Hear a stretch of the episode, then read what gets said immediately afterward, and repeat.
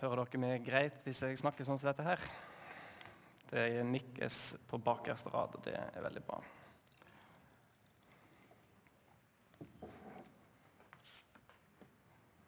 Da skal jeg få manuset mitt. Mitt navn er Hans Christian Sugustad Kvåle. Jeg arbeider her i menigheten som internasjonal leder.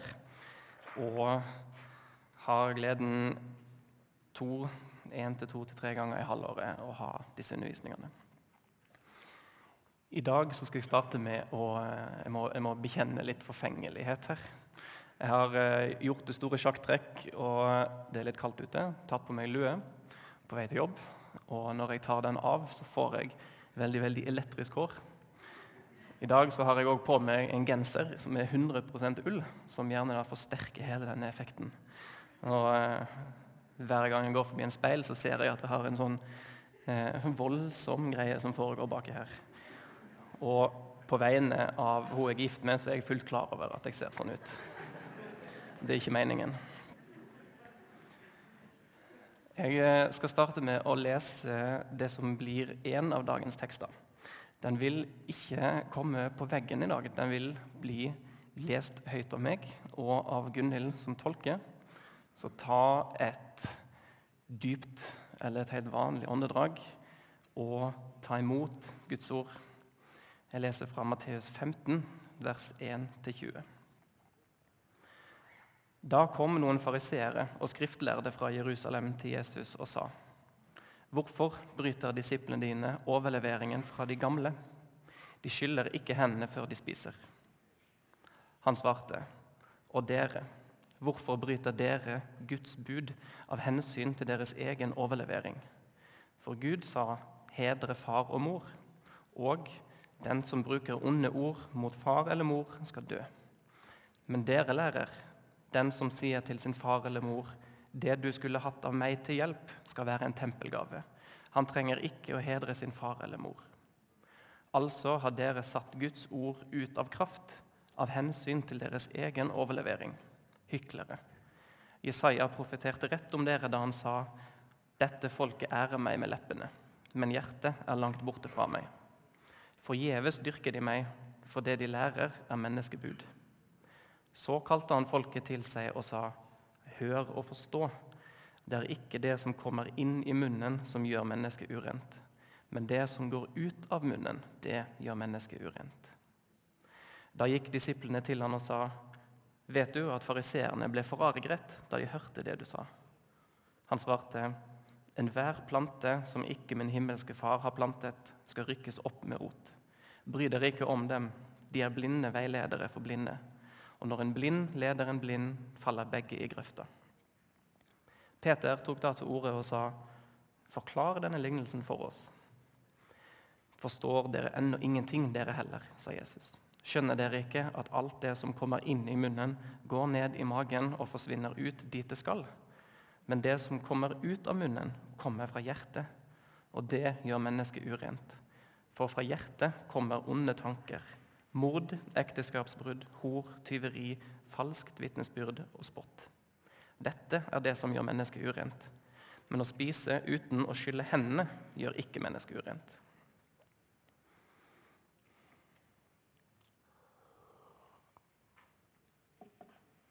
Praksis, hva er vitsen? er dagens overskrift. Og Det er jo et spennende tema å få. Og dette blir den andre av to introtaler til det som er fokuset denne våren, nemlig vår visjon sammen med Jesus ut til mennesker. Frem til påske så fokuserer vi på den første biten av visjonen vår, sammen med Jesus.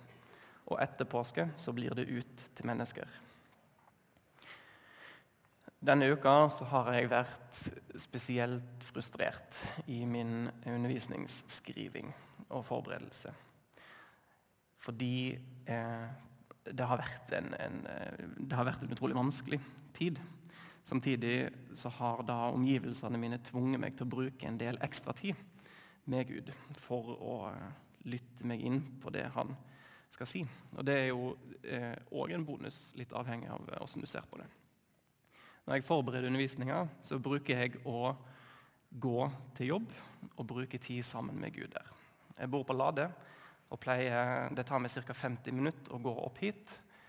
Og da bruker jeg enten å sette på en Jeg tar på mine støykansellerende hodetelefoner, sånn at jeg klarer å fokusere. Og så setter jeg på en, enten en tale, eller en bibelundervisning eller en lovsangsliste som utelukkende består av sanger som handler om hvem Gud er, og hvem jeg er, skapt i hans bilde.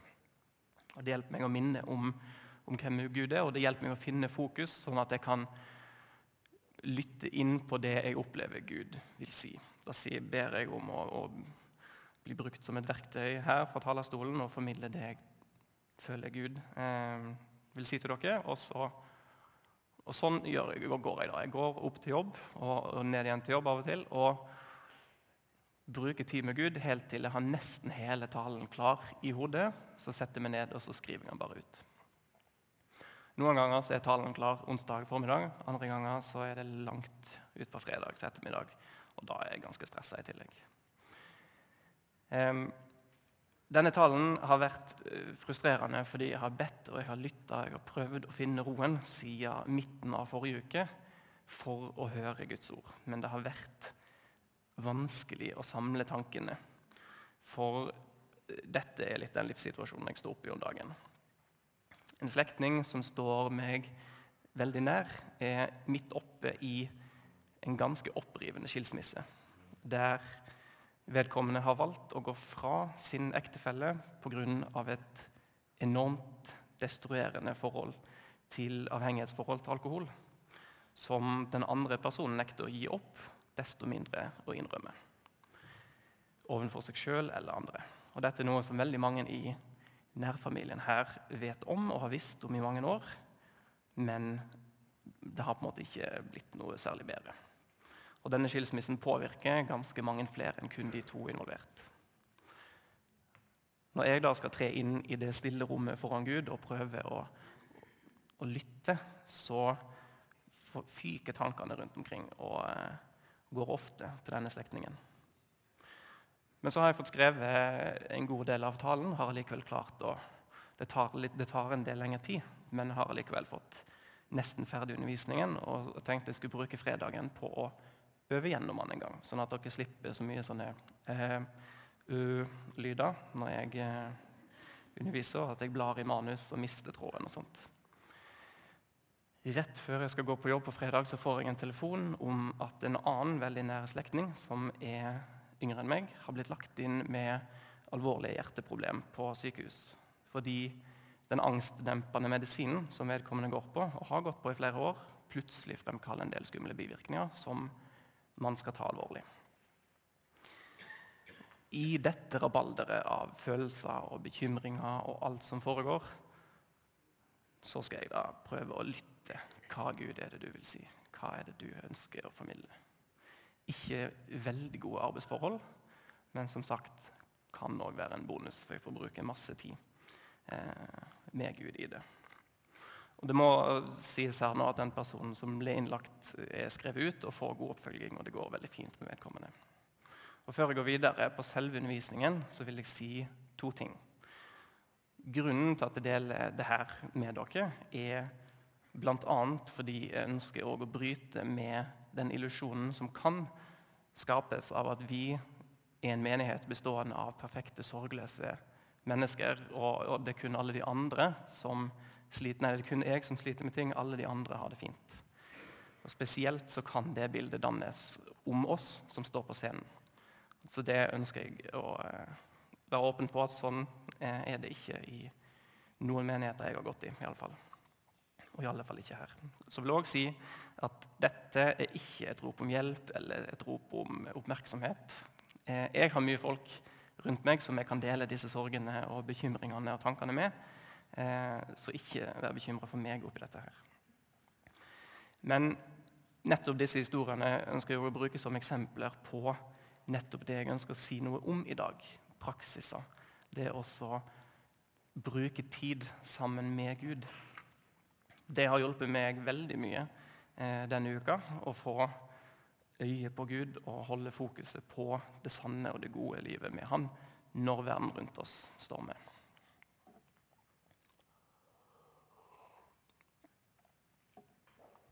Praksiser er i seg sjøl ikke et mål, men de hjelper oss mot målet.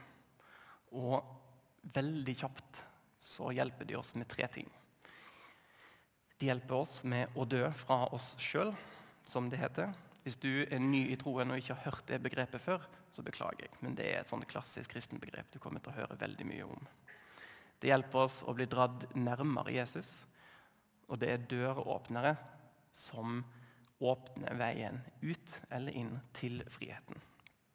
I forrige undervisning så snakka Ingebrigt om at målet som kristen er å bli mer lik Jesus dag for dag. Det er ikke sånn at idet du tok steget inn i troa, så var din vandring, din prosess, din reise sammen med Gud ferdig, og du har på en måte nådd målet. Du får på eh, klassisk fortjeneste, fortjenestemedalje og, og, og er i havn. Det er en konstant vandring, og det er starten på et helt nytt liv. Og Det er viktig å gjenta i dag også, at som kristne så er vi kalt til å bli mer lik Jesus. Vi er kalt òg til å dele evangeliet med folkeslagene.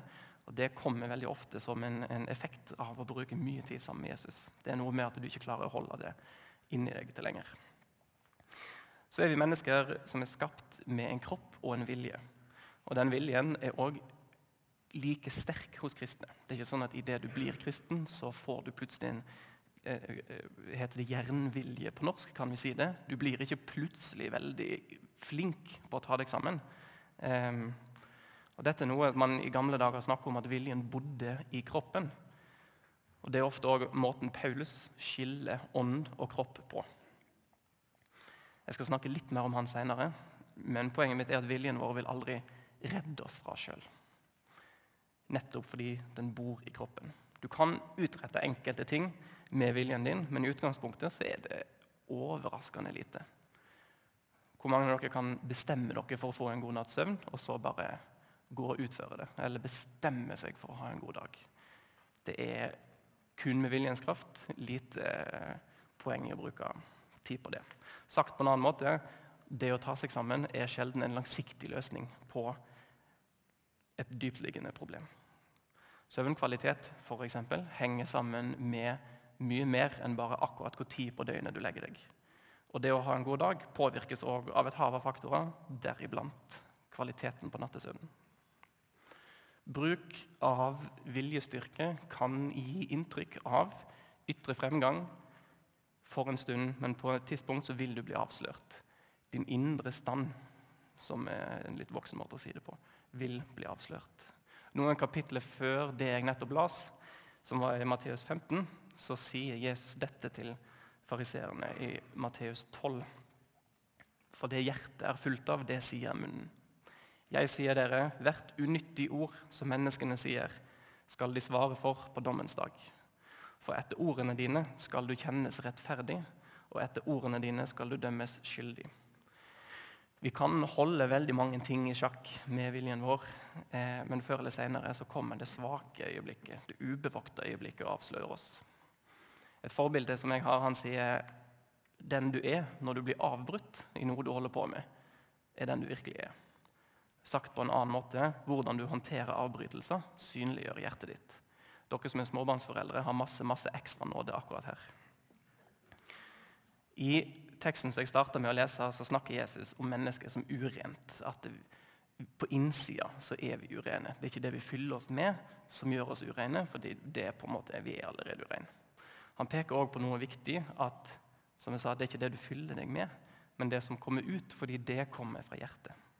Og å forandre hjertet vårt, det er det bare Gud som kan gjøre. Og det gjør han gjennom at vi bruker tid med han i praksiser. På mange måter så er det hele dagens undervisning oppsummert i én setning. Det er bare Gud som kan forandre hjertet ditt.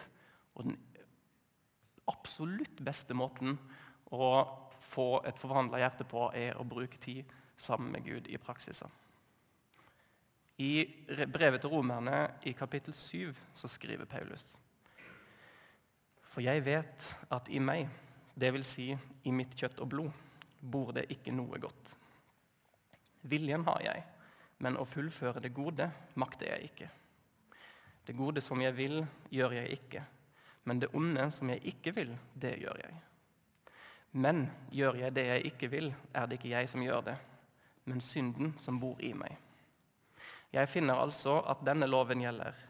Jeg vil gjøre det gode, men kan ikke annet enn å gjøre det onde. Mitt indre menneske sier med glede ja til Guds lov, men jeg merker en annen lov i lemmene. Den kjemper mot loven i mitt sinn og tar meg til fange under syndens lov, som er i lemmene. Jeg ulykkelige menneske, hvem skal fri meg fra denne dødens kropp? Gud være takk ved Jesus Kristus, vår Herre. Slik er altså jeg. Jeg tjener Guds lov med mitt sinn, men syndens lov med mitt kjøtt og blod.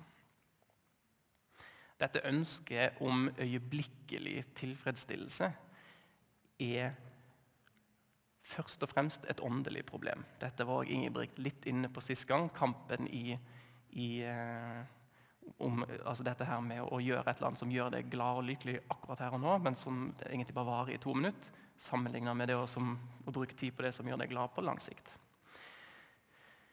Eh, åndelige, dette åndelige problemet det hindrer oss fra å gå djupt med Gud. Det hindrer oss fra å få en jeg har lyst til å si bærekraftig relasjon.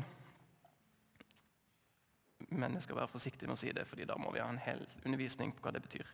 Men eh, og Overskriften i dag bærer òg preg av det. Hva er vitsen med praksiser? Hvorfor skal vi gi av vår dyrebare tid for å bruke tid på dette? her? Vi vet at praksiser er godt i det lange løp, alle her vet at det å jogge 20 minutter hver dag vil gi deg ganske mye positive fordeler. Men det er ikke alltid så godt her og nå. Derfor er det òg så utrolig vanskelig.